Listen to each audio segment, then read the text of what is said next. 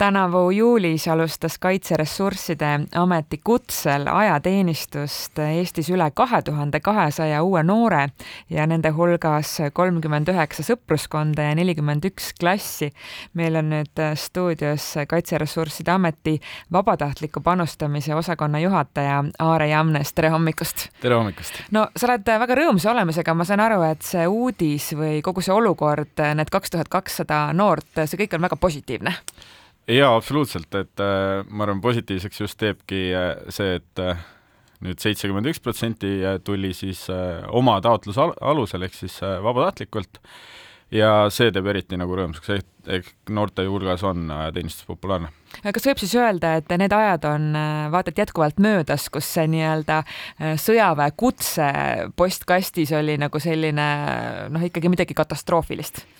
Ma arvan küll, et need on, need on möödas ja, ja midagi katastroofilist äh, seal küll ei ole, et äh, noored äh, aina, aina enam soovivad selle peale,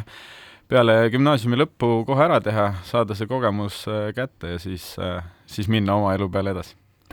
no rõhutatakse viimasel ajal ka seda, et see võimalus, et äh, saavadki noormehed minna oma sõpruskonnaga või oma klassiga, oma klassipoistega koos, on, on ka seda vabatahtlikkust tohutult tõstnud, et sul on no sul on hea kindel tunne, küünarnuki tunne, et äh, sa oledki äh, ühes kasarmus omaenda klassivendadega, omaenda pinginaabriga, seal magate ühe nari peal, üks allpool, teine ülevalpool, nii nagu koolipingis sai kõrvuti istutud, et äh, see sisendab turvatunnet mitte ainult klassivennad, et meil oli ka päris mitu siis klassi, kes võtsid ka klassiõed kaasa. Nii et äh, ka tüdrukutele annab see kindlust äh, siis mitte, mitte otse hüpata tundmatusse siis äh, pea ees, aga tulla klassikaaslastega ajateenistust läbima, nii et kindlasti see sellist kindlust annab, annab noorele, et ta ei pea päris üksinda siis, siis võtma seda teekonda ette. Kas päris mõni täisklassikomplekt on ka nii, et kõik poisid, kõik tüdrukud korraga? päris täiskomplekti äh, minu teada ei ole, äh, on küll suuremaid ja väiksemaid äh, siis klasse, aga eelmisel aastal või siis nüüd kevadel lõpetas küll selline klassikursus teises jalaväebrigaadis, kus tuldi suure grupiga ajateenistusse ja lõpetati niimoodi, et ühest klassist oli nii rühmaülem, jaoülemad, siis rühma parameedik, nii et kogu selline rühma juhtkond ka ajateenistuse lõppedes olid siis kõik koos veel äh, mis on need oskused või uued asjad, mis tulevad noortele, noh, ma ei tea, kas just ootamatult, aga mis vajavad nagu kõige rohkem treenimist või pingutust seal um,? Noh, nii omast kogemusest kui siis äh, ka intervjuudest äh, siin, äh, mis lapsevanemad ütlesid ja, ja kuna ma terve esmaspäevase päevaga veetsin siis Tapal ajateenijatega koos kuni täitsa peaaegu öörahuni välja, siis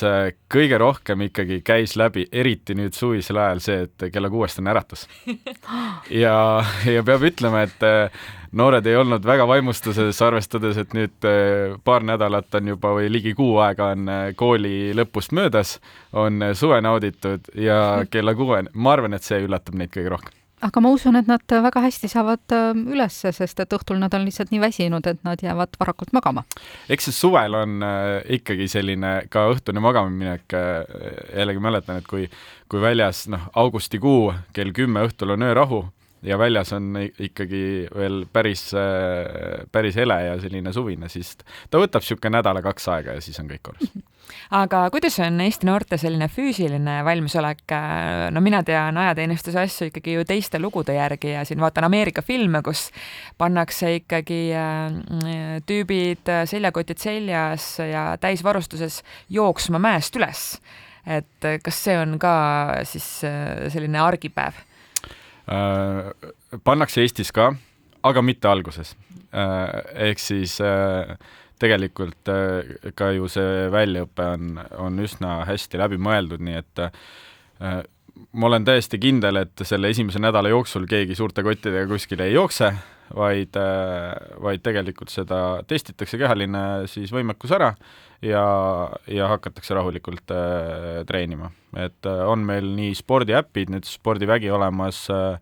erinevad äh, tunnid äh,, nii et äh, kõik saavad teha täpselt nii, et äh, nad kevadtormiks oleks niimoodi, et kotid seljas ja siis nad võivad kõik need kaks nädalat joosta ringi. ehk selleks, et see noorsõduri rännak lõpuks saaks toimuda nii, et mitte keegi oma seljakoti all kokku ei varise? jaa, selleks, selleks tehakse tööd ikkagi nüüd äh, üle kaheksa nädala põhimõtteliselt. kui mitukümmend kilomeetrit see rännak on? see oleneb äh,, oleneb nagu paljustki ka erinevatest äh, väeüksustest, et äh, aga tõenäoliselt sinna seitsekümmend äh, pluss-miinus kuhugi, kuhugi jääb no tänapäeva noored on osad harjunud sööma, ma ei tea, käsitöö vegan burgereid ja sushit, et kuidas toiduga? Äh, toit on hea Äh, selles mõttes, et ka küsisime kohe esmaspäeval äh, õhtul, kui, kui esimesed tulid siis oma esimeselt õhtusöögilt Tapalt tagasi, siis ka õhtusöögiks oli kaks erinevat toitu äh,, magustoit veel äh, sinna, sinna juurde, et et valikut, valikut on, saavad nii veganid, ka tu-, kuivtoidupakkides on, on vegan toidud, et et seda, seda probleemi küll ei ole, et keegi peaks nälga jääma. ei vist... ole nii, et lihtsalt võetakse liha ära ja siis söö salatit, ei, ei ole. pigem selle treenituse pealt, äh, mis tekib ja, ja ka selle korrapärase toitumise pealt, ma olen aru saanud, et noormehed kipuvad isegi kaalus juurde võtma, et noh, lihasmassi pealt ja ja mõni on väga selline kidur ka olnud, et võtabki kaalus juurde, sest lõpuks ometi saab korralikult süüa. Äh, see loogika üldiselt on jah niimoodi, et need, kes on äh,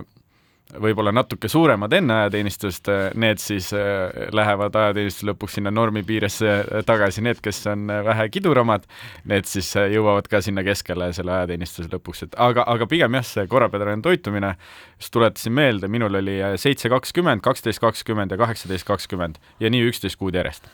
ja noh, see on loogiline, et siis,